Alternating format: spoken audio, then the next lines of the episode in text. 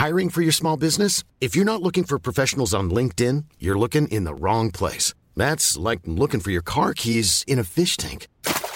LinkedIn helps you hire professionals you can't find anywhere else, even those who aren't actively searching for a new job but might be open to the perfect role. In a given month, over 70% of LinkedIn users don't even visit other leading job sites. So start looking in the right place. With LinkedIn, you can hire professionals like a professional. Post your free job on linkedin.com slash people today. Och sen när ChatGPT kom, eh, liksom första versionen för snart ett år sedan, så förstod jag att det här kommer förändra allt.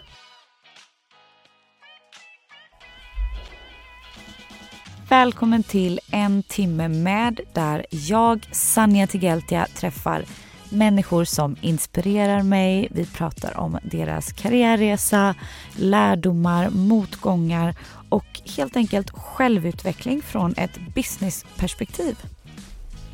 I dagens avsnitt så djupdyker vi in i ämnet AI tillsammans med AI-konsulten Karin Hamberg. Jag vill ta reda på hur man på bästa sätt använder AI i sitt arbete. Jag har blivit riktigt nördig inom detta. Eller, jag har inte blivit nördig, jag vill bli nördig. Så därför tar jag hjälp av en expert för att jag vill så gärna lära mig mer. Hur kan man jobba mer effektivt eller vad är det för fördelar? För jag har också förstått att man kan göra sjukt coola grejer i sitt arbete eh, med hjälp av AI-verktyg. Men kruxet är ju hur man då pratar till AI och det här kan Karin.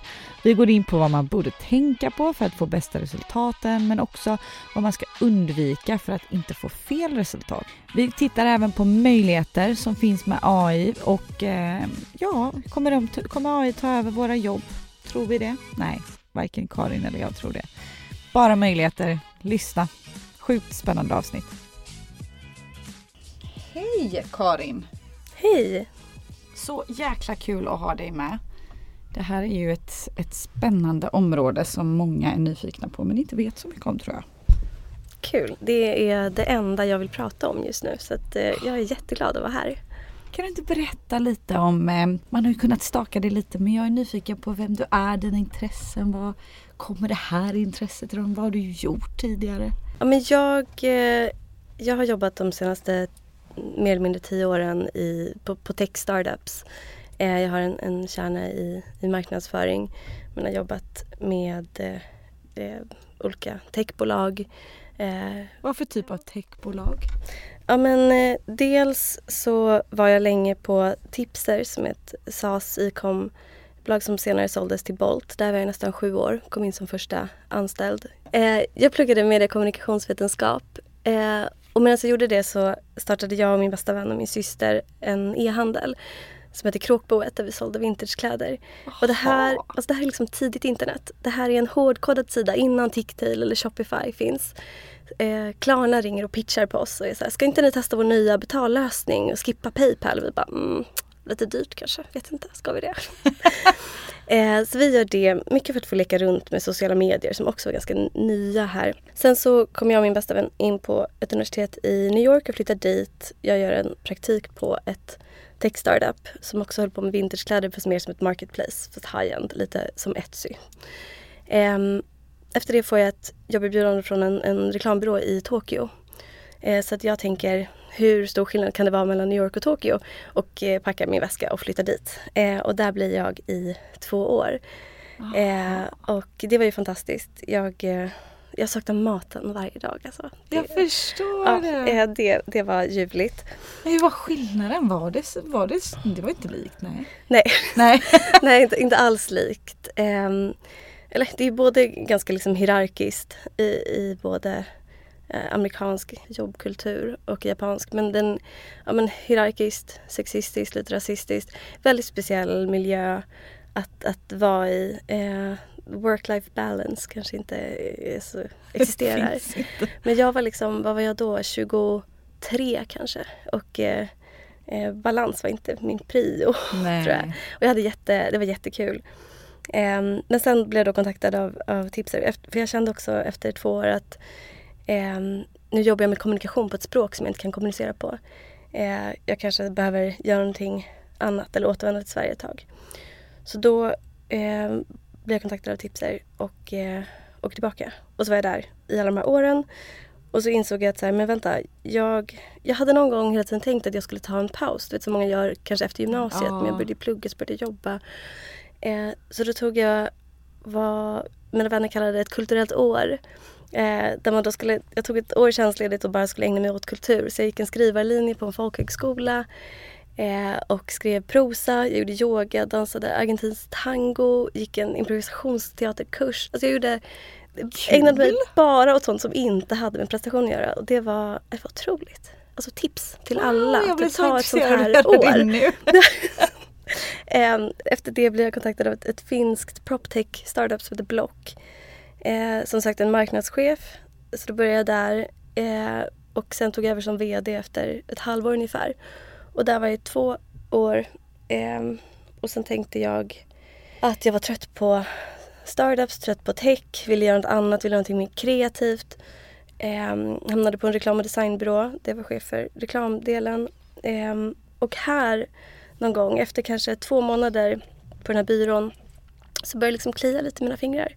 Jag är så här, hmm, kanske ska starta en DAO, göra någonting med NFTs. Kan man bygga någon techprodukt för den här byrån? Kan man göra en byrå i byrån som man kan skala och hitta nya revenue streams för? Jag började liksom, min, den här lilla ådran började puttra och så ungefär samtidigt med det så började generativ AI bli bättre. Midjourney lanserade en, en tidig version. Jag började leka runt i det och det, och det är ett bild, text till bildprogram, AI-program. Och sen när ChatGPT kom, eh, liksom första versionen för snart ett år sedan, så förstod jag att det här kommer förändra allt. Varför förstod du det? Alltså kanske en magkänsla. Men det, också, Ja. det var också för att det var eh, det, det häftigaste jag har varit med om rent tekniskt sen jag typ första gången eh, var, liksom, besökte internet. Wow. Ja. Eh, så det var verkligen där och, och där någon gång i liksom om ungefär december, januari förra året så slutade jag sova och bara låg vaken på nätterna och eh, lekte runt med alla de här verktygen, blev besatt. Och det var så jag kom in på det. Wow. Besatthet kanske. Ja, men det är nog bra att ha en sån som dig då som nördar ner sig. Jag är en sån som är jag vill ha en snabb inskolning. Hur gör man? Snabbt. Därav att jag också ska gå din kurs. Men, men eh, gud vad häftigt. Men jag tänker så här. Vad är egentligen AI för de, de som inte förstår? Alltså hur, hur kommer det kunna påverka? Eh, För de som lyssnar nu bara så här, fan jag kan ingenting om det. Har man ett val att inte kunna någonting om det här tror du? Jag Man tror att man alltid har ett val. Men jag skulle rekommendera alla att eh, i alla fall eh, lära sig lite. Em, om man tittar på AI i stort så forskningsområdet grundades 1956 så det är liksom ingenting nytt. Em, men det vi har pratat om och det som pratas om nu väldigt mycket är generativ AI. Men AI generellt använder skulle säga de flesta varje dag utan att tänka på det och det finns i eh, ett exempel är om, om, du läs, om du låser upp din telefon med face recognition så är det AI som gör det. Eller varför du inte får all spam direkt i din inkorg är också ett exempel på AI som alla mer eller mindre använder utan att tänka på. Men just eh, generativ AI och det som jag har specialiserat mig på eh, är skapandet eh, så här, det, är en AI som baserat på en, en enorm mängd data eh, hittar och förstår mönster för att sen kunna återskapa om det är ny text eller kod eller bild eller video eller musik, röster. Och det är den generativa delen som, där har det skett väldigt stora snabba framsteg, alltså både det senaste året. Även den här veckan har varit hektisk. Är det sant? Ja. Gud, man hänger inte med om man hade koll för förra månaden typ. Nej men lite så är det. Wow. Men eh, vad tänker du, hur kan man liksom använda AI på bästa sätt i sitt arbete? För där är ju jag väldigt hoppfull med att man kan skippa sånt som är tråkigt, som jag tycker är tråkigt. Jag kan bara prata utifrån mig själv. Men mycket researcharbete, skriva texter och sådär. Många är ju kanske rädda att det ska sluka ens jobb. Jag ser snarare hur kan jag göra det roliga på jobbet som Mm. jag tycker är kul då.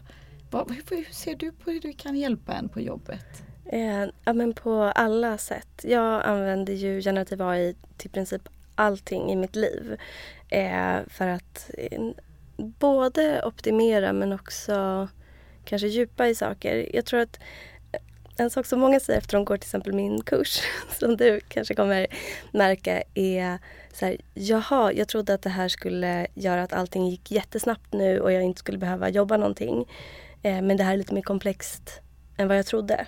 För om man ska liksom producera och göra någonting bra så behöver, behöver det fortfarande ligga ett arbete bakom det. Men, men absolut, sen finns det jättemycket eh, saker som går att automatisera. Mm. Tråkiga saker. Mm. Exempel på Um, jag tycker det är jättetråkigt att anteckna under möten. Jag vill kunna vara i mötet och liksom sitta och lyssna och ha ett samtal. Och då kan du ha med hjälp av AI ha den som transkriberar konversationen, skriver en sammanfattning, skickar ut actions till exempel. Du skojar. Det är skönt. Eller till exempel och göra analyser. man spelar bara in då? Mm. men alltså du kommer förändra mitt liv. men även eh, klippa den här podden till exempel. Det kan du ju använda. Eh, det finns AI-lösningar som då tar det här samtalet, transkriberar den och så kan du klippa den med hjälp av, alltså då får du texten så då kan du se att jag till exempel säger mm är ja. mycket. Då klipper du bort de delarna så klipper den det i ljudet. Så då kan du redigera från text vilket skulle kunna gå snabbare. Wow! Behöver inte sitta och lyssna om. För då kan man ju också vara närvarande som du sa i mm. möten, man kan hur, hur, använder du det mer i din vardag är jag nyfiken på. Oj, var ska vi börja? Ja, men, men dels så är det ett utlopp för kreativitet och skapande. Eh, i, I våras så jag blev också väldigt besatt av, av Midjourney och bildskapande och eh, liksom snöade mig in i en Paris på 80-talet värld som svampar hade tagit över fast på liksom ett vackert, härligt sätt.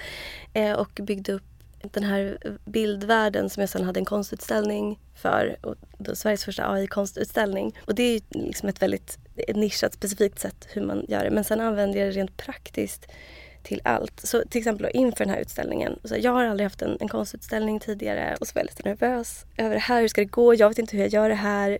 Men jag bara, men det kanske finns någon som vet som jag kan fråga. Så det jag gjorde då, då promptade jag fram Francis Bacon och så, så berättade jag så här. Jag ska ha den här konstutställningen. Eh, jag behöver din hjälp. Hur ska jag kurera? Hur ska jag välja vilka verk jag ska ta med? Vad behöver jag tänka på? Jag behöver att du är kritisk mot mig nu och har, att vi har en diskussion som hjälper mig eh, att ta rätt beslut här. Och så hade jag liksom då en, en, en konversation med då eh, den bortlidne Francis Bacon, eller en simulation av honom eh, och fick råd. Så det är ju liksom ett, ett exempel. Men, men jäklar vad kreativt! och det hjälpte dig? Ja men det hjälpte mig mycket.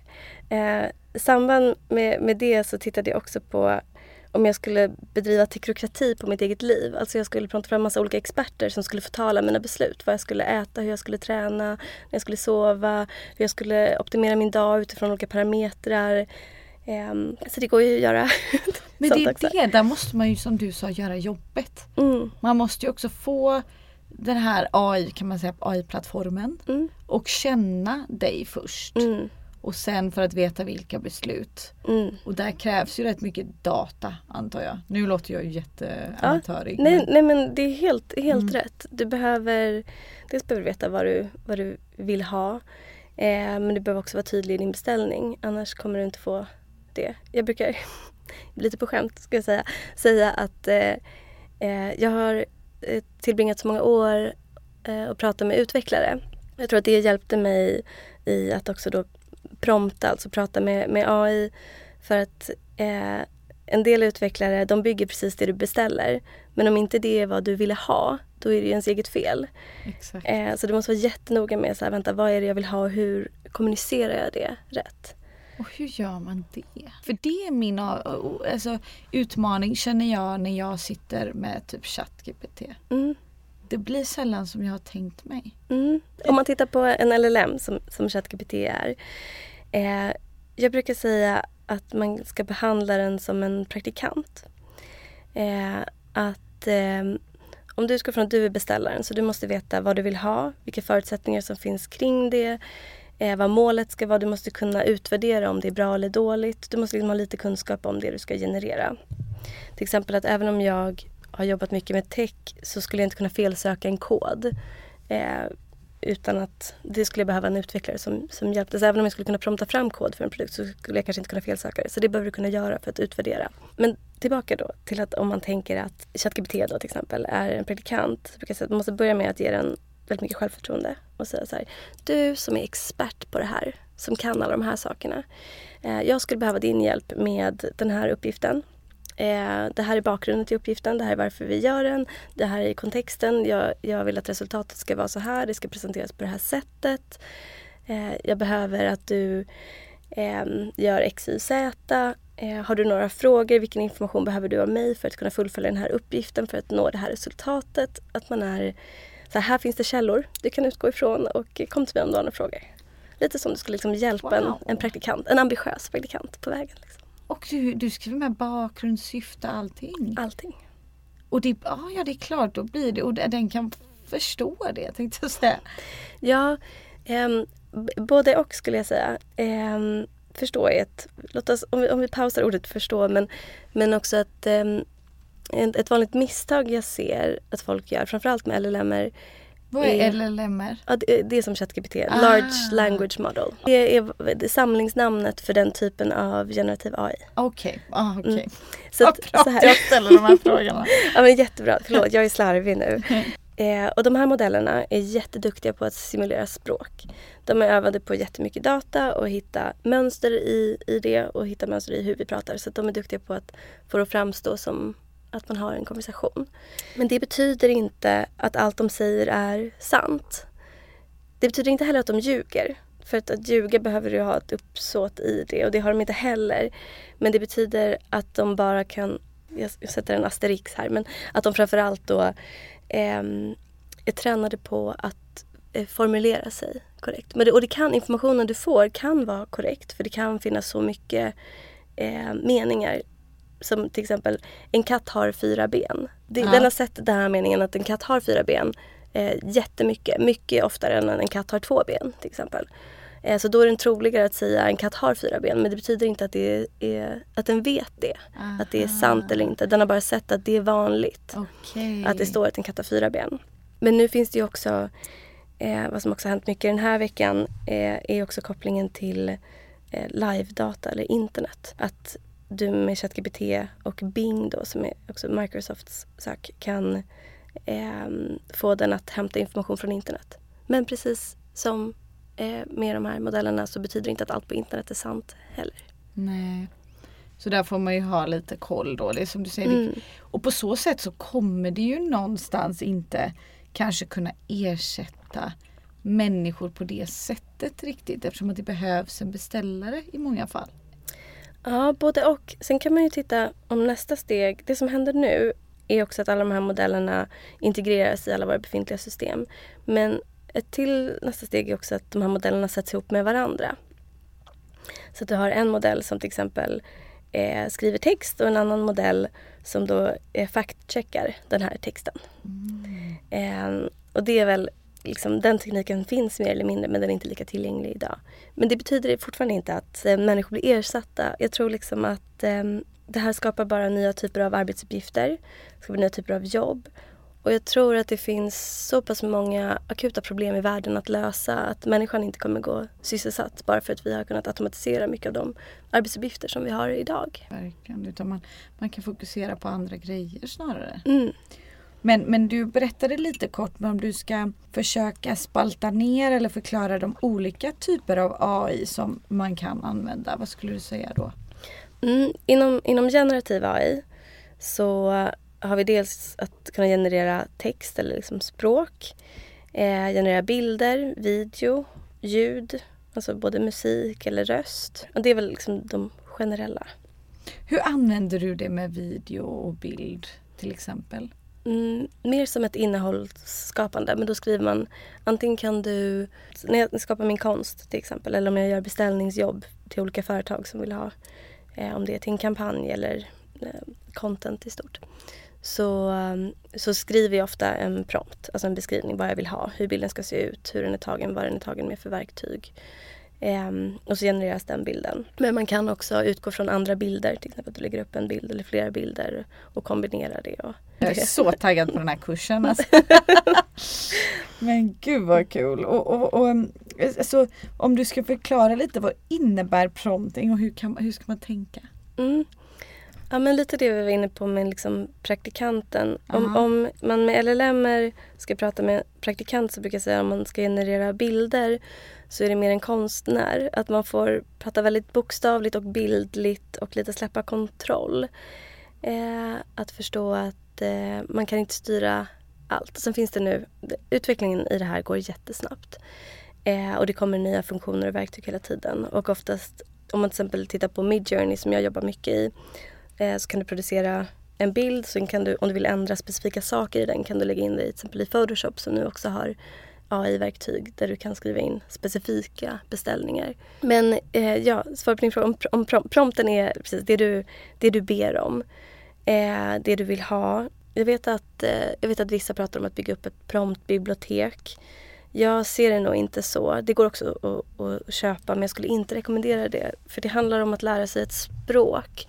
Och när de här modellerna uppdateras så förändras språket och nyanser. Så tydligast i, i bildgenerering eh, att de prompterna jag använde i version 4 i Midjourney, när jag använde samma prompter i version 5 så blev resultatet något helt annat och inte alls vad jag ville ha. Eh, och då behövde jag liksom lära mig det här språket igen en gång till och hitta så här, okej vilka nycklar finns nu och vilka nyanser och hur ska jag eh, prata om det för att beställa det här.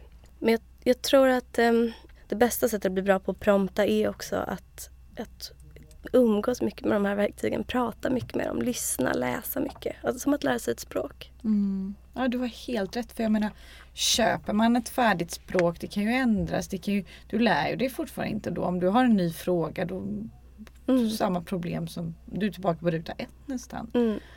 Men vad skulle du säga av de här, för det, det jag sitter i nu, då är jag så här, ja då, då går jag väl och använder ChatGPT.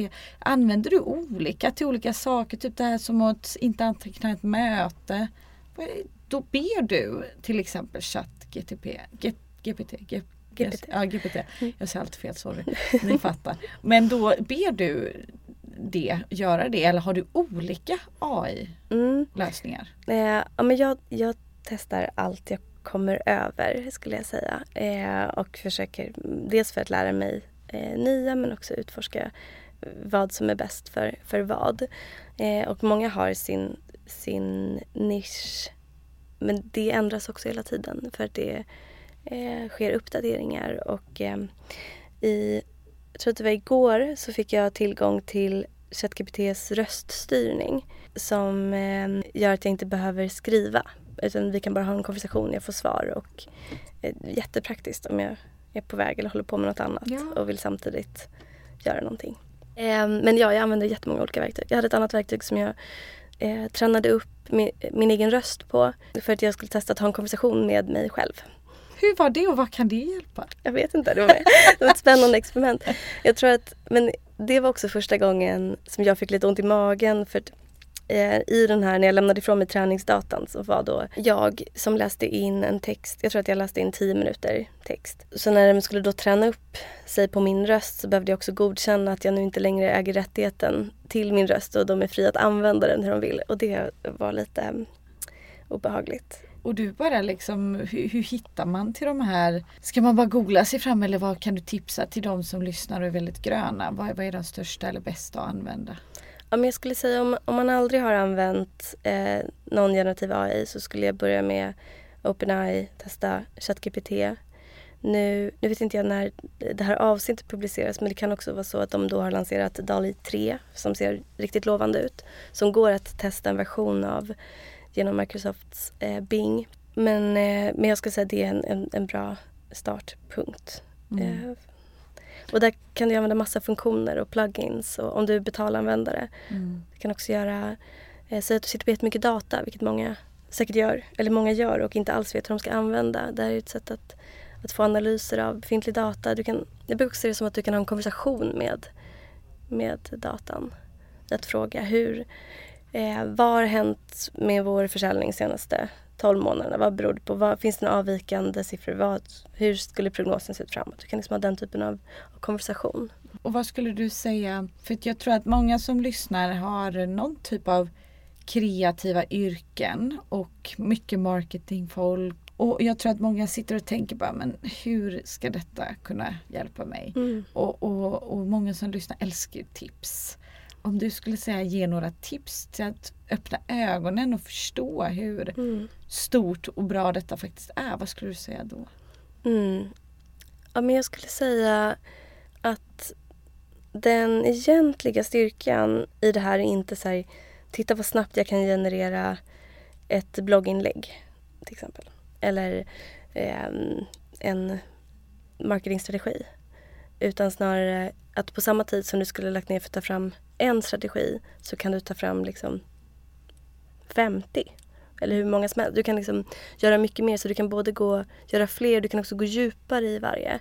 Eller så här, säg att du vill utforska ett, ett eh, kreativt koncept så kan du ta fram, istället för att jobba fram ett eller två bildmanér så kan du jobba fram flera liksom Mm. hundra på samma tid. Så det är också ett sätt att eh, eh, inte göra saker bara snabbare utan också kunna gå djupare.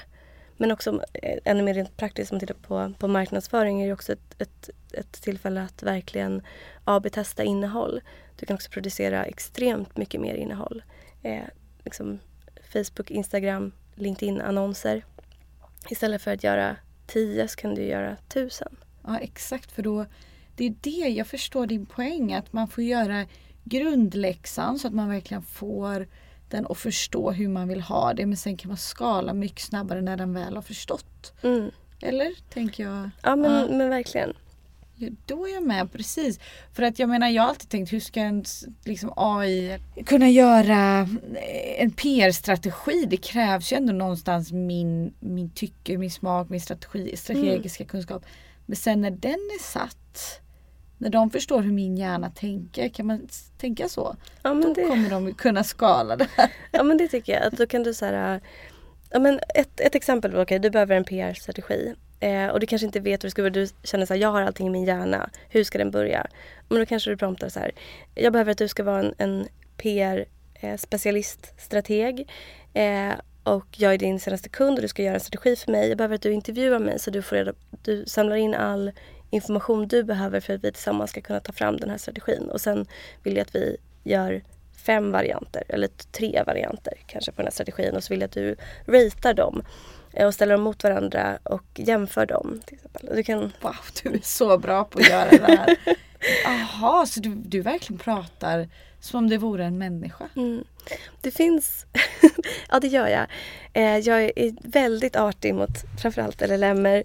Eh, men det finns en, en, en fördel eh, för det också. Alltså dels gör jag det nog bara per automatik för det, det upplevs, språket är så pass bra att det känns väldigt naturligt. Men det finns också väldigt tidig forskning men som visar på att om du är liksom trevlig, pedagogisk, lugn så kommer du få ett mycket eh, högre kvalitet på ditt resultat än om du håller på att stressa den och är krävande och otrevlig. Då får du, ett ganska, då får du liksom ett sämre resultat tillbaka. Oh, det är verkligen som en riktig människa. Det tycker jag fungerar. Jag som älskar så här genuina relationer och sånt. Sånt där bygger ju på det också. Mm, ja, den är ju tränad på, på all data som vi har skapat så den är ju på många sätt en reflektion Ja. av det. Och då både på gott och på ont. Det är ju mycket kritik kopplat kring, eh, kring fördomar eh, och representation, liksom både bilder och text med vad den utgår ifrån. Och jag skulle säga att så här, det, det stämmer.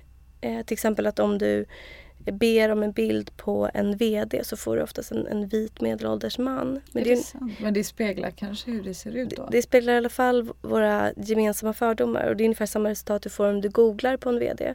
Men det intressanta är inte att prompta en VD utan att beskriva vad du faktiskt vill ha och vill se. mm. Så där har ju vi ett ansvar att förändra Mm. egentligen. Där kan Verkligen. man ju verkligen ta tillfället i akt och förändra de här verktygen. Mm. Ja, det, det är samma sak när jag- har träffat många med liksom väldigt kreativa yrken som har kritiserat generativ AI och säger att det inte är ehm, innovativt och det är inte kreativt och det, är inte, det finns ingen nyskapande eller nytänkande i det. Ehm, men det är bara ett verktyg och resultatet kommer bara vara så in, innovativt och kreativt och nyskapande som du är med det. Exakt, för den är ju inget utan oss Nej. om vi använder det. Sen får man ju välja då hur man använder det, hur man ställer frågor, hur man någonstans som du sa utmana den. Mm. Precis så. För att ja precis den tänker ju inte själv om man inte använder den, Mm. eller hur? Men, men vad intressant. Är, ja, nej jag har sagt, nog sagt intressant hundra gånger nu. Du ser ju hur jag tänker och tänker. men men eh, vad ser du att folk gör för vanliga fel när de använder AI? Ja, men dels är det att kanske inte förstå vad de egentligen är tränade på. Så till exempel att använda det som en allvetande uppslagsverk. Ehm, men det kan också vara att försöka överlista, eh, utmana, avslöja de här modellen. Det kan jag också se folk som gör. Som är så här, haha, det här gick du på. Vilket är eh, meningslöst, för det är bara ett verktyg. Jag sluta lägga tid på det? Ja, det är som att, ja, ja verkligen. Eh, så det skulle jag inte rekommendera. Men annars är det också att vara väldigt generell och vag och inte kommunicera vad du vill ha och sen bli besviken för att du inte fick det. För att om jag säger så här, jag vill ha en bild på en katt.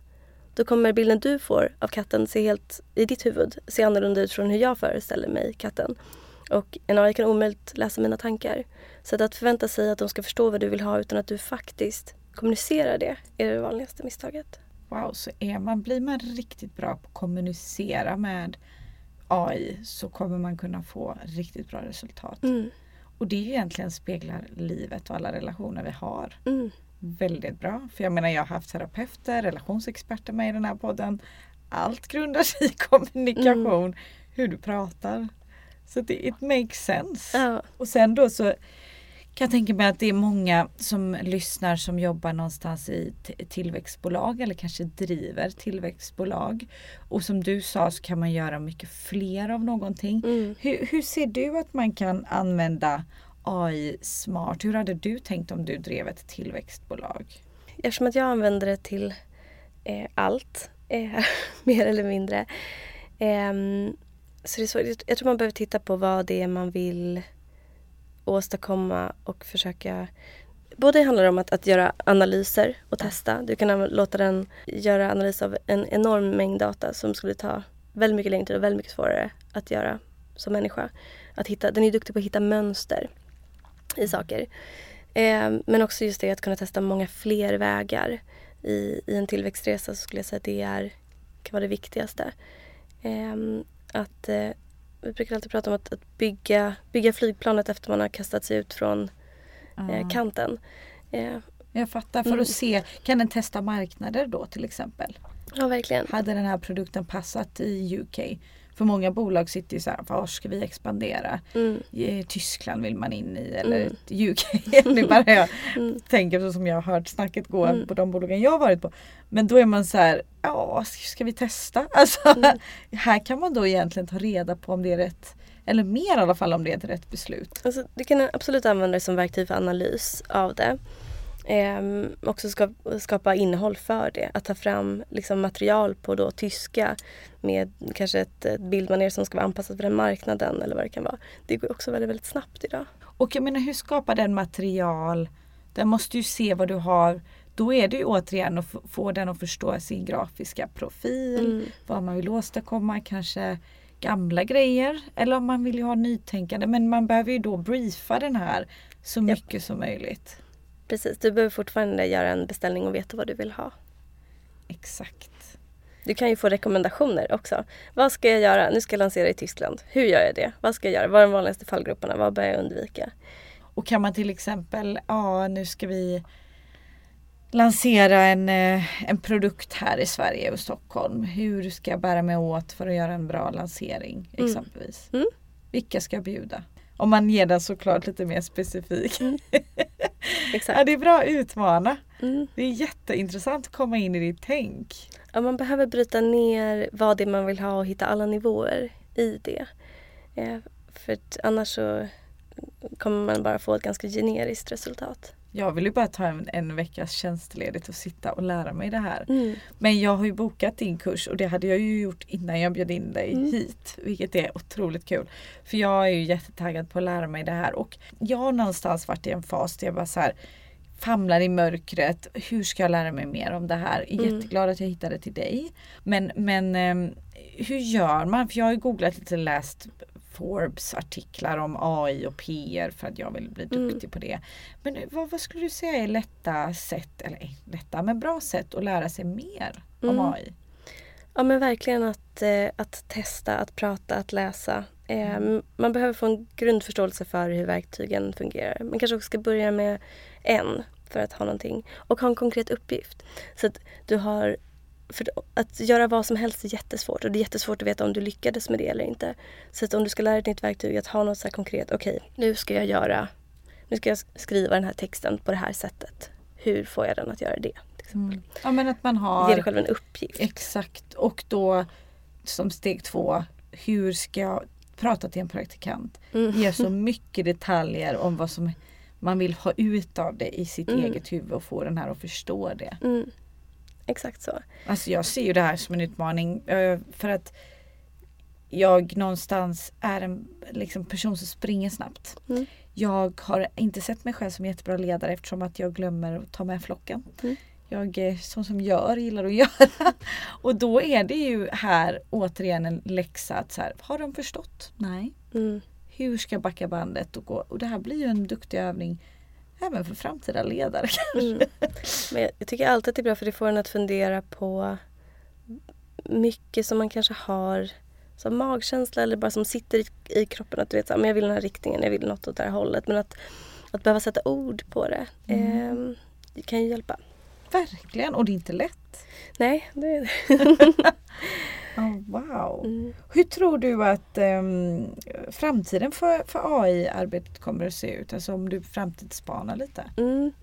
Ehm, och det går ju så snabbt nu. Eh, för förra veckan hade jag sagt att, det, att nästa steg är att allting är väldigt integrerat i alla, alla befintliga verktyg du redan använder. Och sen så ser vi med lanseringarna som har skett i princip den här veckan så är det det som händer med Google och Bard och med Microsoft Copilot och att, att eh, Firefly och, och Photoshop att istället för att du har ett externt AI-program så öppnar du Photoshop och så har du AI-funktioner i det och som sagt kommer det vara liksom i Gmail eller eh, Word eller vad det kan, vilka program du använder. Så det är väl liksom, där är vi eh, nu. Ehm, jag tror det kommer bli en, en, en självklar del av, av allas, allas vardag. Ehm, verkligen. Det, det gäller ju att ta eget ansvar och lära sig hur man använder det i sin vardag. Mm, Jag tänker sen Siri har ju funnits jättelänge. Det är inte så folk, alla som använder det. nej, Man vet inte hur. nej. Man blir bara irriterad när man kommer åt. men, men kan man det så fyller det ju fantastiska funktioner säkert. Ja, Som- men röststyrning, det är ju det är en enorm skillnad. Jag har, ehm, om man jämför med ChatGPTs nu röstkommando eller typ Googles eller Siri som är ganska eh, kackiga. Man behöver ge ganska raka, tydliga beställningar. Man behöver upprepa. Så nu med ChatGPT och hur den har tränats på att förstå språk.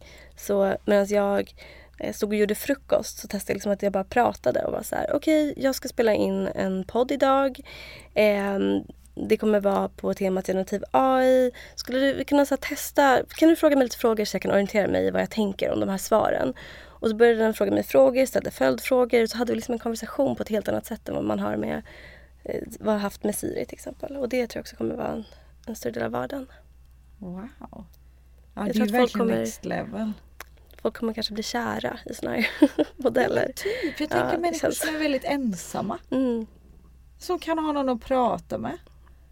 Oh, wow. Ja, det ska bli spännande att följa. Jag förstår att många som lyssnar kanske är lite rädda eller sådär men jag tycker, jag kan bara prata ifrån mig själv, att det är en väldigt spännande grej. För jag menar, Mm. när internet kom, alla de här grejerna som har kommit har ju också förändrats Mm. enormt mycket. Verkligen. Men ehm, vad tänkte jag på? Om man nu är nyfiken på dig och ehm, vill eh, veta mer om dig. Vart är du mest aktiv? Hur når man dig? Mm, man kan alltid höra av sig på LinkedIn. Jag heter Karin Hamberg Sten. Ehm, också på min Instagram är jag mer eller mindre aktiv. Men eh, karinsten.ai kan man också se delar av min, eh, mina svamp, svampkonstverk. Kul! Tack snälla du för att du ville gästa podden. Tack själv, jättekul att vara här. Jag spelar in den här podden på coworking spacet Helio som finns överallt i Stockholm. och har även det som mitt kontor. Eh, helio finns på flera ställen runt om i Stockholm som sagt och även i Malmö. Så letar du efter en kontorsplats och kika på helio.se. Men så sitter de även inne på otroliga podcaststudios som man kan boka.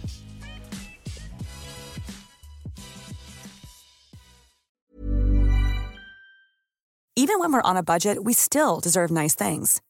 Quince is a place to scoop up stunning high-end goods for 50 to 80% less than similar brands. They have buttery soft cashmere sweaters starting at $50, luxurious Italian leather bags, and so much more. Plus, Quince only works with factories that use safe, ethical, and responsible manufacturing. Get the high-end goods you'll love without the high price tag with Quince. Go to quince.com/style for free shipping and 365 day returns.